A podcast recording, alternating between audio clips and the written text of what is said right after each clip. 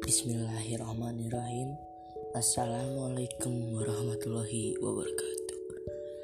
Alhamdulillah Rabbil alamin Wassalatuhu wassalamu Bala asrafil amya Iwar musalin Sayyidina wa maulana Muhammadin Wa ala alini wa hasobi asmain. Amma ba'du. Abah Ambu yang saya hormati Serta teman-teman yang saya sayangi dan saya cintai pada sesi tibu kali ini saya akan bawakan tema cara menjinakkan Raja Wali. Referensi buku menjinakkan lima binatang dari karya Abah Irfan Amele dan Abah Fajar Stabil. Ada salah satu kisah seorang yang menuntut ilmu yang bernama Imam Namawi.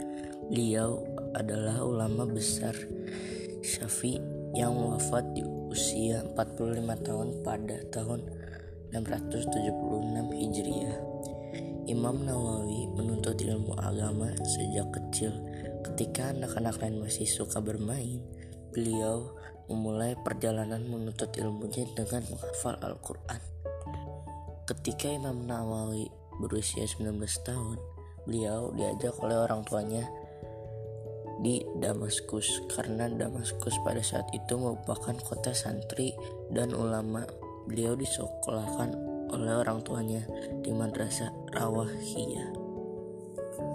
Imam Nawawi tidak menyanyiakan waktu kecuali untuk menuntut ilmu sehingga dalam waktu empat bulan setengah beliau mampu menghafal kitab Tanbih karya Abu Ishaq Syai Razi dan menghafal seperempat kitab Al-Muhazab dalam waktu lima bulan setengah.